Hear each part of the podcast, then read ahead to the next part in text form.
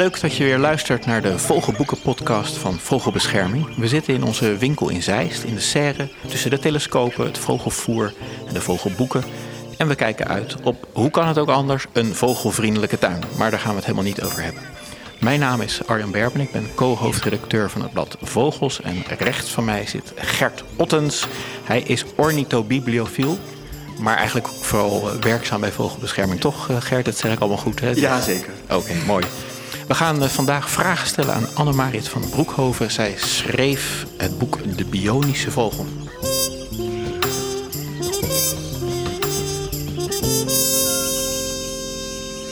De Vogelboeken Podcast. Een podcast van Vogelbescherming Nederland. Maar allereerst zou ik wel eens even willen weten... Ja, welke vogel zag je eigenlijk toen je hier op weg naartoe was?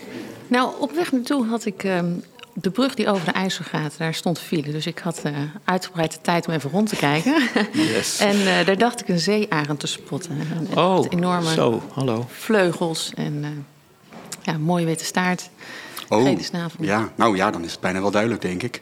De brug over de IJssel, waar precies? Bij Deventer. Oh ja, dat moet goed kunnen. Volgens mij zit daar ook een, er zit ook een broedpaar, dacht ik, in een van die uiterwaarden daar. Dus dat zou, ja, fantastisch. Ja, gespot. Ja. ja. Vinkje. Ja, mooi. Je hebt een boek geschreven onder de titel De Bionische Vogel. Waar gaat jullie boek over?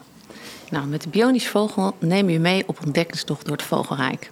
Daar laten we op een andere manier naar vogels kijken. En je ontdekt uh, tevens, gaan we in vogelvlucht door biomimicry. En dat is een manier van uh, het oplossen van problemen door de natuur te gebruiken als inspiratiebron.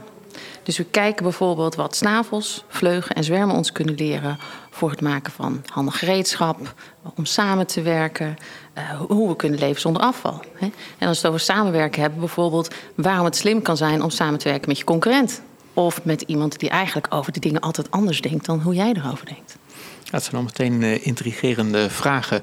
Waar komt het element bionisch uit de titel vandaan?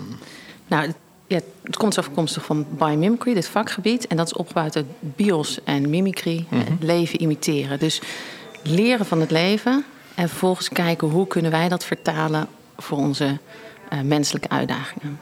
Nou, daar gaan we dadelijk allemaal induiken in, duiken, ja. in hoe vogels en natuur en andere dieren ons uh, inspireren. Maar ik was ook eigenlijk wel benieuwd naar wat jouw motivatie was om je op dit onderwerp te storten. Nou, ik heb eigenlijk van jongs af aan al een binding gehad met de natuur. Ik voelde me dat altijd heel erg fijn. Maar ik voelde ook altijd wat behoefte om daarvoor uh, voor te zorgen en waarde toe te voegen. En uh, jaren nadat ik was afgestudeerd als industrieel ontwerper aan de TU Delft, was ik daar weer terug voor een masterclass over duurzaamheid. En daar leerde ik het vakgebied biomimicry kennen. Nou, er ging een wereld voor me open toen ik ontdekte dat ik eigenlijk al die jaren al omringd was geweest door organismen die mij uitstekend konden leren hoe we hier in onze behoeften kunnen voorzien, hoe we kunnen leven, uh, zonder een enorme footprint achter te laten. En ik vond dat zo onwijs gaaf, ik vond het zo mooi om te ontdekken, uh, dat ik dacht, wauw, dit, dit wil ik delen. Dit wil ik met meer mensen uh, delen, laten zien. Um, nou ja, en toen eigenlijk ben ik toen volledig in het vakgebied gedoken, uh, heb me heel erg in verdiept en ben allerlei activiteiten gaan ontplooien om dit vakgebied voor het voetlicht te brengen. En met het boek De Bionische Vogel beginnen we heel dicht bij huis door te kijken van wat kunnen we nou van vogels leren. We kennen allemaal vogels en ik denk dat hoezeer we er ook van kunnen genieten, er zullen er ook heel veel momenten zijn dat we ze eigenlijk maar gewoon, gewoon vinden of verliefd nemen. Dus wat kunnen we dan van die gewone dieren leren? En, en, vervolgens ga je dat uh, omzetten naar een boek. Hè? Dus je hebt je research uh, gedaan. Uh, waar ga je dan beginnen met zoeken? Het begint met de vraag: zijn wij eigenlijk wel zo anders als de pauw, de pinguïn of de paradijsvogel? Heb, we hebben niet zo'n mooie snavel. Laat staan een kleurrijk verenkleed uh, en een kwartier in het water of nog geen twee minuten in de lucht. Nou, daar kunnen we natuurlijk ook niet. Uh, dat, dat lukt ons niet. Maar uiteindelijk draait het bij ons, net zo goed als bij hen, om voedsel, veiligheid en voortplanting. We doen van alles en nog wat om in die behoeften te voorzien, maar daar draait het eigenlijk om. Nou, je zult geen kanoet met een smartphone zien, maar alle behoeften die wij, zeg maar, die die smartphone voor ons vervult, ja, die, die kent die Knut wel. Hij, hij, wil ook communiceren, hij wil ook navigeren, hij wil ook informatie ophalen, hij wil ook uh, samenwerken, hij wil ook voedsel lokaliseren of Nou ja, hè, wij kunnen dan met Appie thuis laten bezorgen. Dat, dat doet hij nog niet. Maar, dus kortom, we delen dezelfde behoeften, maar de manier waarop het invullen is totaal anders. Nou ja, dat is het eerste stukje van het boek. En vervolgens komt de verwondering. Ehm, hoe komt het dat die kolibrie zomaar loodrecht de lucht in kan gaan? En waarom hebben wij een startbaan nodig? Hoe kan zo'n uh, rupelsgier overleven bij min 55 graden in de lucht? of een gierzwaluw tien maanden non-stop in de lucht zijn en zelfs slapen terwijl die vliegt? Nou, mhm. Bizar, toch? En hoe kan het dat ik als volwassene op een struisvogel-ei kan staan, zelfs met mijn dochter van elf op de rug, zonder dat hij kapot gaat? Terwijl zo'n klein kuiken alleen een ijsnavel heeft om open te maken. Nou, in de verhalen komen dus dat soort dingen aan bod. En gaan we kijken, van, maar hoe zit dat dan? Kijken we ook, oké, en wat kunnen wij er dan van leren? Plus, hey, welke innovaties hebben we al gedaan? Welke problemen hebben we opgelost met hulp van wat we hebben geleerd van vogels? Want het wordt volop al toegepast. Um, nou, en tot slot kijken we ook naar de succesformule van de natuur, om het zo maar even te noemen. En dat is een verzameling nou, strategieën die organismen toepassen, hè, vogels net zo goed, waarmee, laten we zeggen, zeg maar, de kans om te overleven op aarde zo groot mogelijk is. Um, maar ze ook een gezonde aarde achterlaten. Want dat is natuurlijk inherent met elkaar verbonden. Als je als soort wil overleven, kun je je nest niet vervuilen. Nou ja, en met dit boek willen eh, Margot Westerman, de illustrator, en ik eigenlijk de lezer uitnodigen om te verwonderen over de natuur. Om vragen te stellen, om te onderzoeken. En ehm, ja, buiten de gebaande paden te gaan. Om de belemmerende gedachten van ja, dit, we kunnen dit niet oplossen. Gooi dat nou eens even hup naar buiten. En sta eens open voor totaal nieuwe oplossingen. Kijk, had je 200 jaar geleden gezegd dat we ooit met, een, met 100 tegelijk een mechanische vogel de oceaan over zouden vliegen? of had je gezegd dat we gefrituurd ijs zouden eten? Nou, ze wist niet wat het was, maar stel. Had je gezegd dat we op afstand zouden opereren? Nou ja, je, je was waarschijnlijk gelijk in een gekhuis gestopt. Doe normaal! En alleen maar omdat dat niet paste binnen de kennis en kunde het tijdsbeeld van dat moment. Nou ja, en je merkt dat als je de natuur induikt, dan, dan ontdek je een wereld aan mogelijkheden. Nou ja, dat, ja, dat vind ik gaaf. je, je, praat er, je praat er super enthousiast over, dus ik, eh, ik zit ademloos eh, naar je te luisteren. Ik, ik, vroeg me nog af, hè, dus dit gaat uiteindelijk een boek worden, of het is al bijna een, een, een, een, boek, maar je had het net ook nog over andere activiteiten die je op dit vlak ontplooit. Dus waar moet ik dan aan denken? Ehm, ja, van alles en nog wat. Ik ben met het museum aan het kijken of we iets leuks kunnen doen. Ik geef wel eens lezingen op scholen. Ik heb op de Hogeschool van Amsterdam een leuk een gastcollege een verpakkingsminer gegeven. Ik ben bezig met een project over verpakkingen. Uh, ik ben uiteindelijk ook industrieel ontwerper en ik zie een enorme, ja, enorm potentieel in de verpakkingsindustrie om daar dingen efficiënter te krijgen, om daar de footprint enorm naar beneden te halen. Dus ik ben met van alles en nog wat um, bezig. Ja. En, en, en, wel steeds met de natuur en vogels specifiek als inspiratie of als de natuur. Ja, vogels, uh, vogels was nu en, en dat vind ik fantastisch. Maar er zijn ook heel fascinerende schimmels en, en, en, en planten. En ik, ik heb wel eens gekeken naar een, een, een, dier waarvan ik dacht, nou daar willen we ons niet mee associëren. En toen dacht ik, nou dat is de, de mestkever. Nou, als je tegen iemand zegt, weet je dat, wij, dat je eigenlijk hetzelfde bent als de mestkever, dan, dan denken ze, doe normaal. Dus ik denk, ga ik eens even uitzoeken. Nou, en uiteindelijk had ik wat uitgevonden. En ik had op YouTube een filmpje gevonden van een uh, hoogleraar uh, in Johannesburg. En die had ik een mailtje gestuurd of hij mij wat, wat vragen kon beantwoorden. Nou goed, daar kwam geen reactie op. En op een gegeven moment dacht ik, weet je wat, ik bel hem gewoon op. En die man zei: Oh, maar ik weet wie je bent. En ik heb gisteren nog jouw mail gezien. Ik wil heel graag antwoorden, maar ik, ik, dat, ik, ik, weet, ik kan zoveel vertellen. Laten we gewoon even nu bellen. Nou, ik heb, ik heb 40 minuten geloof ik met die man aan de telefoon gezeten. En ik was laaiend enthousiast van de mestkever. Weet je, het maakt uiteindelijk niet uit over welk organisme het gaat. Van elk organisme kun je dingen leren. Ja, nu gaat dat boek vooral over vogels. Het heet ook de bionische ja, vogel. Waarom heb je dan specifiek toch vogels gekozen als... Nou, omdat ik, ik wilde gewoon heel um, met dieren beginnen die we kennen. Die dicht bij ons staan. Ik denk, als we beginnen met een dier dat ver weg is, dan denk je: oké, dat is heel bijzonder, maar dat is heel ver weg. Maar nee, het is, het is, het is die mus, of het is die ekster, het is die specht. Het is die, die vogel die, die, die, ja, die je elke dag ziet bewijzen van. En voor, ja, voor wie is het boek dan eigenlijk bedoeld? Tenminste, ja, je, je zegt het al, vogels dicht bij huis. Dus het is eigenlijk voor iedereen. Het is eigenlijk voor iedereen, maar het is wel zo geschreven dat een kind vanaf een jaar of 11, 12 het zou moeten kunnen begrijpen. Oké. Ja, dus soms wordt wel uh, bepaalde dingen even uitgelegd uh, die je als volwassene misschien weet. Um, maar ik wil ook juist wel de jeugd aanspreken. En dat is ook zeker in deze tijd, de afgelopen jaren, heeft de jeugd toch vaak wel. Je hoort veel dat um, jongeren best een tik hebben gekregen van alle ellende, alle die, die overigens uitgestort wordt. Is het niet uh, corona en is het wel alles met het klimaat of is het oorlog? En ik denk, ja, jongens, dat, dat, klopt ook wel. Er zijn wel uitdagingen, maar er zijn ook oplossingen. Weet je? Er zijn veel meer oplossingen dan je ooit kunt voorstellen. Dus laten we daar eens naar kijken. Dus da, dat was ook de reden dat ik zei van ik wil gewoon dat dit in eerste instantie de jeugd kan empoweren, zeg maar. En, en kan laten zien, oké, okay, hey, als ik nou mijn talent eens inzet en, en mijn krachten bundel met wat ik van de natuur kan leren, hoe ver kunnen we dan komen? En ik denk ook dat je eigenlijk dit boek zou moeten opnemen in het uh, curriculum van de, de industrieel ontwerper uh, op de Technische ja. Universiteit. Toch? Nou, absoluut. Nou, ik ben ook met een, uh, met de middelbare school aan het praten en zij wil het ook graag biomimicry integreren in een opleiding. Dus dat lijkt me ook. en er zijn op zich ook al lesmaterialen en dingen voor. Um, maar ja, ik, absoluut. Ik zou het heel leuk vinden als het meer in opleidingen terugkomt. Een belangrijk deel van het boek is natuurlijk al wat je zelf al zegt, die, die biomimicry en hoe we daar als, ja. als mens zeg ja. maar, iets aan kunnen hebben. Zou je misschien een, een voorbeeld kunnen geven van hoe, hoe vogels specifiek ontwerpers ja. hebben ge, ge, geïnspireerd? Uh, nou ja, kijk, een van de uitdagingen van deze tijd is natuurlijk energie. En uh, in de natuur is energie ook een kostbaar goed. Als een kanoet te veel energie verspilt, dan uh, kan dat zijn kans op te overleven, zijn veiligheid, zijn voortplanting ook in gevaar brengen.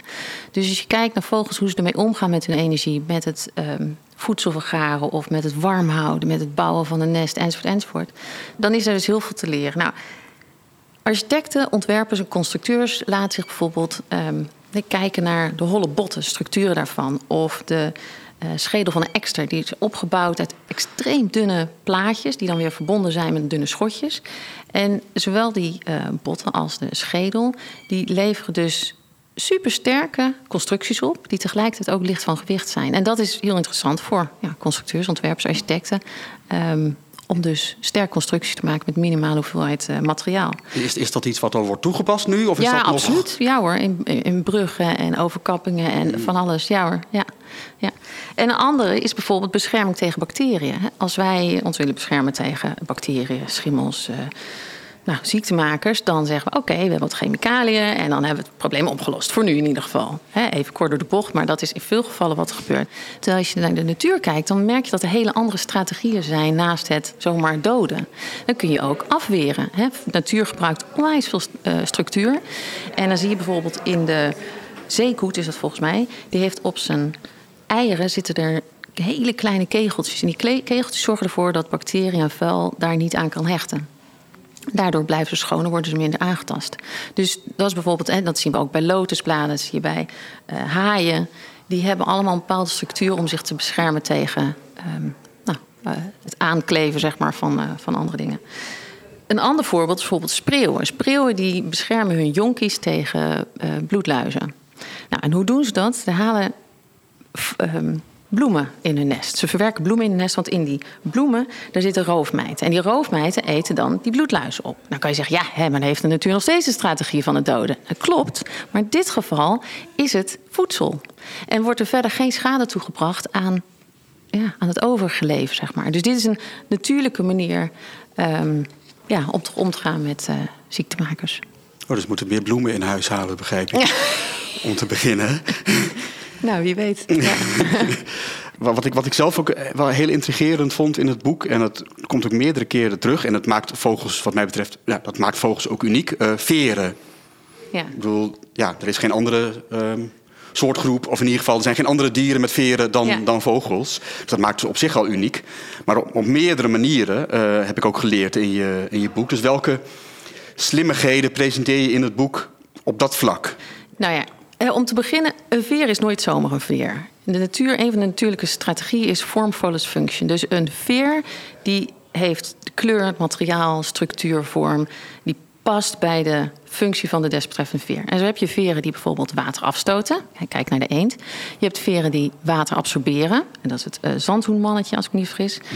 uh, je hebt natuurlijk donsveren. Nou, daar heeft de einder eend. Die is daar kampioen uh, het dons isolatiemateriaal maken, zeg maar. Die, die, die veren, dat is echt dat de, nou, het ultieme chaos van die donsveer. Die zorgt ervoor dat er heel veel luchtkamertjes zijn. Dat heel veel eh, lucht vastgehouden kan worden. Die worden natuurlijk al gebruikt, ook uh, eider, eiderdons. Ja, ja, nou is biomimicry wel... Helaas. Ja, precies. Ja, precies. Biomimicry is niet zo van, we nemen wat en uh, nou ja, we gaan vogels fokken om daar dan dons van te gebruiken. Maar wel van hoe zit het in elkaar en hoe kunnen wij dat namaken.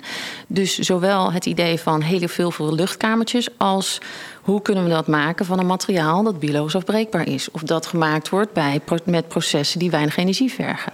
dus, dus het gaat erom dat je niet alleen naar de vorm kijkt, maar ook naar het proces en ook het systeem wat erbij zit. Dat je het zeg maar ook holistisch bekijkt. Um, maar ander voorbeeld, er zijn ook veren die helpen om snoeihard door de lucht te gaan, zoals bij de slechtvalk. Of bijvoorbeeld heel zacht door de lucht te gaan, zoals bij de uil. Precies. En die uil die heeft daar eigenlijk weer verschillende veren voor. En um, nou ik, ik, in het boek leg ik uit dan hoe, dat, um, hoe die dat doet.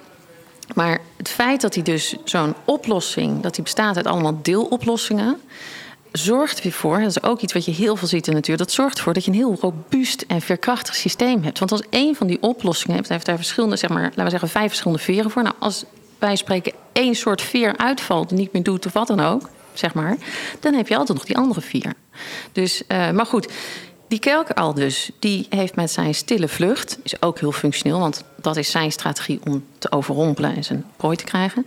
Um, heeft hij uh, ontwerpers van ventilatoren uh, geïnspireerd. Ventilatoren doen eigenlijk hetzelfde als vleugels en veren. Hè. Ze manipuleren lucht. Dat is het eigenlijk. En geluid, als je ergens met het uh, werken met lucht geluid produceert, dan wil dat zeggen dat je hè, luchtstromingen, grote luchtstromingen hebt. Nou, wat die uil dus doet, die breekt die luchtstroming op in steeds kleinere beetjes. Door de vorm en structuur van zijn veer. Nou, dat hebben ze dus ook vertaald naar die ventilatoren, die daardoor um, veel efficiënter uh, ronddraaien en, en, en, lucht verplaatsen. Uh, wat dus minder energie verbruikt en minder geluid voortbrengt. Als je bedenkt dat er inmiddels overal ter wereld ventilatoren worden gebruikt, in computers, airconditioning systemen, nou noem maar op. Uh, dan is, stel dat je maar een paar procent energie bespaart, kan dat al best wat zoden aan de dijk zetten. Zeg maar. Zeker. Ja, ook dat geluidsaspect. Dat is het eerste wat ik doe als ik in een hotelkamer kom. Is waar zit het knopje van de ventilator? Hoe kan ik hem uitzetten? Ja, precies. Ja. Verschrikkelijk. Ja. ja. wat me sowieso altijd bij vogels opvalt, is hoe, hoe, ongelooflijk efficiënt ze zijn in alles wat ze, wat ze doen. Dat moet ook wel om te kunnen overleven. Maar daar kunnen wij denk ik ook best wel heel veel van leren. Uh, inderdaad, als, als, als mens. Ja. ja. in ons dagelijks leven misschien wel. Nou, we hebben het nu over veren. Die komen op meerdere plekken. Ik zei het al, meerdere plekken terug in je, in je boek. Ook de kleur van veren. Ja. Daar valt ook heel veel over te vertellen en heel veel van te leren. Um, nou, als wij iets een kleur willen geven, wij als mensen, gaat het vaak gepaard met allerlei vervuilende stoffen, chemicaliën, ja. productieprocessen en fabrieken. Ja, hoe, zou, hoe, zouden we daar misschien iets van kunnen leren? Heb je daar iets? Ja, ja zeker. Daar, daar kan ik ook wel toepassingen van noemen. Uh, nou, het klopt. Precies wat je zegt. Wij gebruiken vaak uh, pigmenten, uh, heel veel water, chemicaliën om die pigmenten aan de vezels te laten hechten. En als je bijvoorbeeld de blauwe veren van de pauw onder een elektronenmicroscoop legt, dan zie je dat er een bepaalde structuur in zit. Dus hij creëert dat felle blauw met de structuur en niet met een pigment. Er worden pigmenten gebruikt, maar um, in dit geval niet. En um, nou, die structuurtruc, hè, waar dus alleen dat blauw teruggekaatst wordt op verschillende plekken, en die blauwe golven versterken elkaar weer, die is vertaald naar kleding. Maar ook naar beeldschermen. En nu heb je, als je telefoon weer aan de oplader moet, dan is Onder andere omdat het heel veel energie vergt om heldere kleuren te uh, creëren, zeg maar. Nou, die vertaling naar beeldschermen die zorgt ervoor dat je eigenlijk alleen maar een beetje omgevingslicht nodig hebt, wat op dat beeldscherm valt. En dat reflecteert vervolgens door die structuur. Dus daar heb je een enorme daling in het energieverbruik. Nou, van die kleding, dat is ook wel mooi. Um, ook weer zo gaaf als je met de natuur werkt, dat er altijd allemaal positieve neveneffecten bij komen kijken. Je kunt zeggen van goh, we willen de kledingindustrie willen we minder vervuilend maken. Nou, dat doen we met structurele kleuren. Hartstikke mooi. Heb je dus niet meer die chemicaliën. Maar als neveneffect je gebruikt ook minder water. Er wordt minder energie verbruikt. De kleuren die um, vervagen minder of niet. Weet je, het zijn allemaal cadeautjes die, bij, die, die erbij uh, komen kijken. Uh, ja, en dan is het dus eigenlijk de lichtval op die structuur die ervoor Precies. zorgt dat je een kleur waarneemt. Ja. Hoe het licht wordt gebroken misschien. Ja, ja. hoe het reflecteert. Ja, ja fascinerende stuff. Ja. Ja, ja, ja, dat is het. Superleuk. ja. Ja, we hebben het over uh, veren en vogels, want dat is wel hun meest onderscheidende kenmerk. Maar ja, als ik dan aan toepassingen denk, zit ik ook aan vliegtuigen te denken. Van, ja. dat, dat moet toch een inspiratie zijn geweest voor de eerste ontwerpers. Absoluut. Uh, Absoluut. Gebroeders Wright. Of Precies, ja, daar heb je ze. Ja, nou ja, Leonardo da Vinci die maakte ook wel schets ervan. Ja, maar de gebroeders Wright inderdaad. Nou ja, als je in een vliegtuig zit en je kijkt door, het raampje naar buiten... moet je kijken hoeveel flapjes en klepjes er omhoog en naar beneden gaan. Daar word ik al heel zenuwachtig Waar zouden die vandaan komen? Ja? Ja. Oh.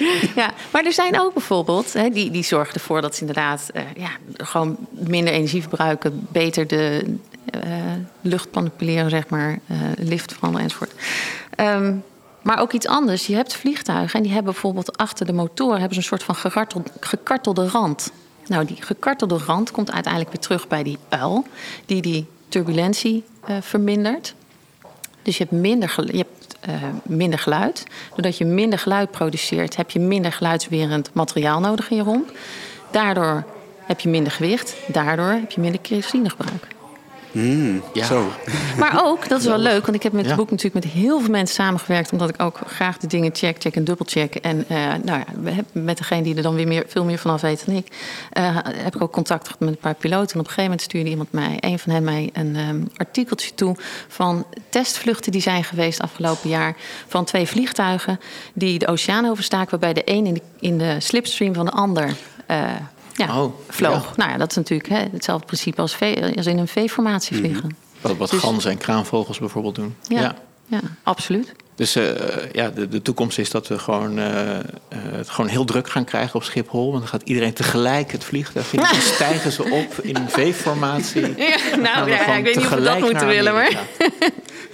Want dat kost dan weer minder energie. Ja. Nou ja, zo zie ik het voor Ik weet niet. Inspirerend. Ja, dat, ja. laten we vooral denken in oplossingen. Precies. Laten we het daarop houden. Je, noemt ook de eierpleister in je boek. Dat vond ik wel sowieso al een mooi woord. Maar kun je nog even uitleggen, wat bedoel je met een eierpleister? Ja, nou, dat is grappig. Dat is kennis die de, de voorouders van onze voor, voor voorouders al hadden. Uh, maar die gaandeweg verloren is gegaan. Um, kijk, je hebt wel eens als je een eitje tikt, dat je zo'n zo dat, dat, eimembraan, dat velletje wat je eraf probeert te pulken. Nou, dat velletje, dat blijkt dus fantastische eigenschappen te hebben. Het is uh, antibacterieel, het is ademend, het is flexibel, het is natuurlijk biologisch afbreekbaar. Het heeft allemaal eigenschappen die wij ook hebben voor onze um, pleisters.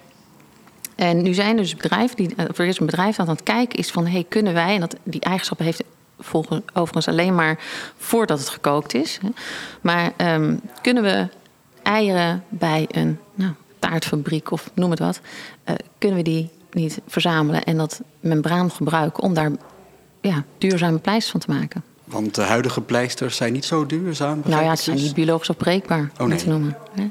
Ja, dat zou geweldig zijn als, ja. uh, als dat lukte ja. natuurlijk. En ze, ja. Er zijn natuurlijk heel veel uh, ja, gerechten of uh, taart of wat dan ook waar eieren in gebruikt worden. Dus, ja. En dit is overigens, vroeger werd ook al toegepast volgens mij door de Grieken. Die, de oude Grieken wisten het al. Ja, ja. Ja. Wat grappig. Ja, oh, maar die wisten heel veel wat wij, wat wij weer vergeten zijn. Ja, dat wist ik zo.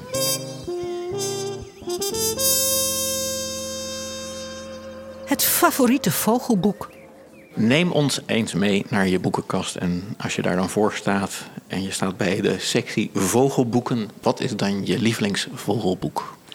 Nou, waar ik heel erg van geniet is uh, Gevleugelde Architecten van Peter Goodfellow.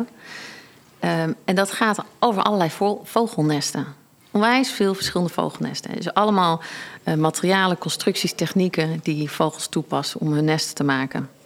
Uh, nou ja, ik krijg er heel veel energie van om te zien dat er überhaupt heel veel soorten nesten zijn. Heel veel manieren, heel veel uh, technieken worden gebruikt. Uh, je, hebt, nesten met, hun, met de ingang aan de onderkant. Je hebt uh, nesten, weet je, hele appartementencomplexen. Uh, nou, van alles nog. Dat vind ik heel gaaf. En wat ik hier ook mooi vind, en dat, weet je, dat, dat is bij vogels zo, maar bij ons mensen natuurlijk net zo goed. Ja, elke vogel bouwt zijn nest met de talenten en de kwaliteiten die hij die, die, die heeft. Ehm, dus er is niet één nestsoort. Er is niet één manier om het te doen. Er zijn honderden manieren om het te doen. En ze zijn allemaal, ik bedoel, er is geen perfect nest. Ik bedoel, ze zijn allemaal gewoon even. Ja, ze, ze, ze zijn. En even geweldig. Precies. En ze passen bij de omstandigheden, bij de context, bij. Ja. je noemt in je boek ook een, eh, een, vogel, volgens mij een weversoort, die wel zes of acht soorten knopen ja. gebruikt om, om, om, om, stevigheid aan, aan de constructie te geven. Dat is natuurlijk ook, uh, ook geweldig. Noem nog één keer de, de titel van het boek. Gevleugelde architecten van Peter Goodfellow. Dankjewel.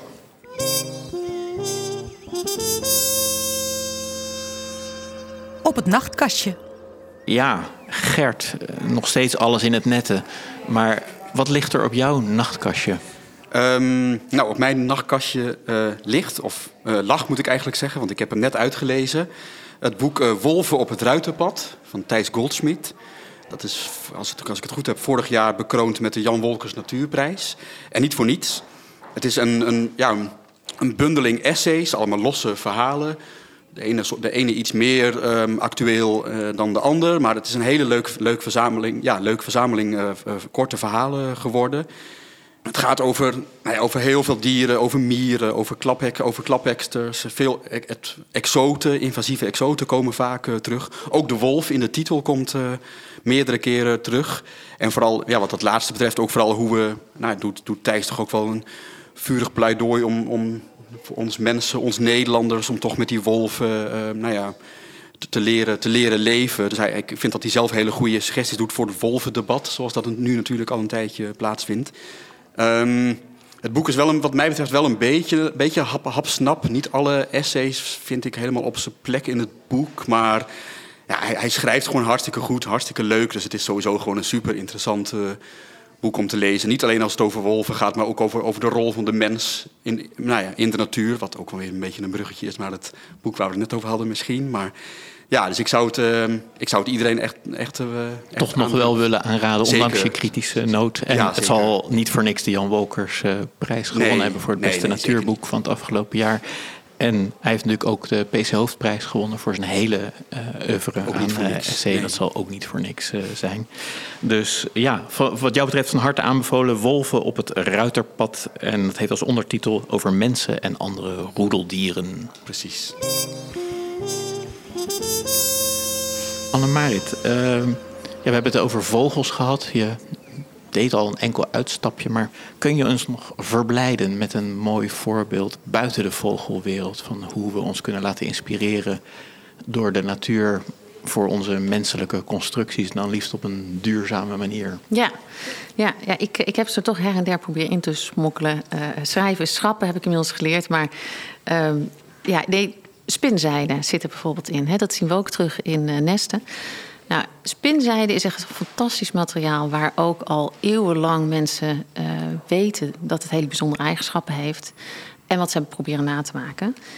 En er zijn dus spinnen die wel zeven verschillende soorten draden maken, zeg maar. Uh, en dan heb je, en dat is elke keer een combinatie van verschillende eigenschappen. En dat is bijvoorbeeld, uh, nou, het is, het is supersterk. Spinzijde is eigenlijk het, een van de sterkste materialen op aarde. Ook sterker dan de menselijke vezels, zeg maar, die we maken. Um, maar goed, die, het heeft dus vaak een combinatie van supersterk, rekbaar, watergestotend, plakkerig, antibacterieel, um, biologisch afbreekbaar, UV-reflecterend. Nou ja, dat laatste is voor ons niet zo belangrijk, maar voor een vogel wel. Een vogel die kan dat waarnemen. Dus het zorgt ervoor dat die vogel het web niet kapot vliegt en visiveren heeft. En dat die spin weer opnieuw moet beginnen met het uh, weven van zijn web, zeg maar. Dus een super interessant uh, materiaal. En heel bijzonder als je bedenkt dat zo'n spin dat gewoon in een chemisch fabriekje in zijn achterwerk maakt. Toch? Hartstikke bijzonder. En gewoon bij de lichaamstemperatuur en de, aan de normale druk die er is. Nou, als je vergelijkt met bijvoorbeeld staal of Kevlar, eh, wat ook hele sterke materialen zijn, uh, die worden met de, ja, de heat, beat and treat principes zeg maar, gebruikt, waar enorme, enorm energievretende processen, hoge temperaturen, veel druk, ja, die spin doet dat gewoon bij lichaamstemperatuur. Dus nou is er ook een, uh, een bedrijf, Duits bedrijf, Spintech heet dat. En die hebben dat na weten te bootsen. Oh.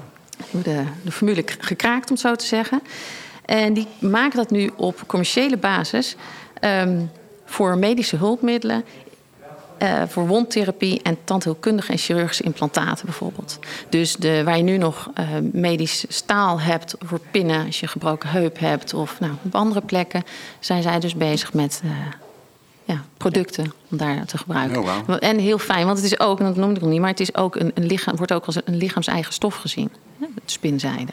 Oh, dat Dus is je ook lichaam- een extra voordeel nog weer. Ja. Ja, absoluut. Ja, ja. Dus dat is, eh, nou ja, ja, heel bijzonder en mooi. En het, weet je, dat is ook weer iets in de natuur. Er zit zo vaak worden er allerlei eigenschappen gecombineerd waarvan wij denken: hoe dan? Ja. Bij ons zijn, nou ga ik het even een beetje plat slaan, een beetje kort door de bocht. Maar je hebt of een sterk materiaal, of het is elastisch, of het is nou ja, waterafstotend.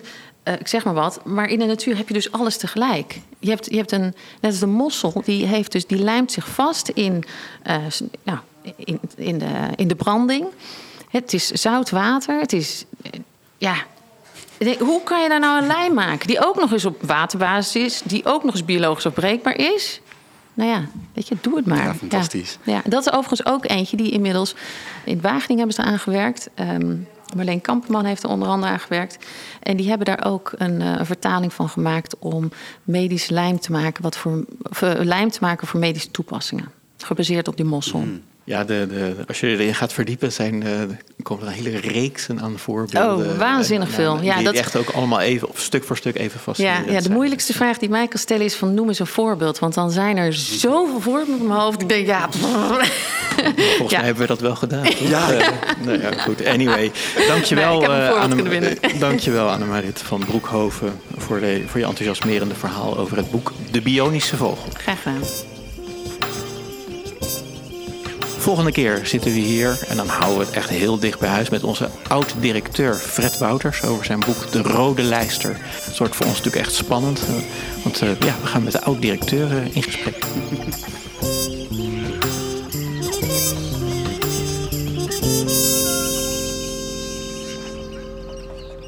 Dit was de Vogelboeken-podcast vanuit de winkel van Vogelbescherming in Zeist. Kom ook naar onze winkel voor een vogelboek of bekijk het aanbod op vogelbeschermingshop.nl.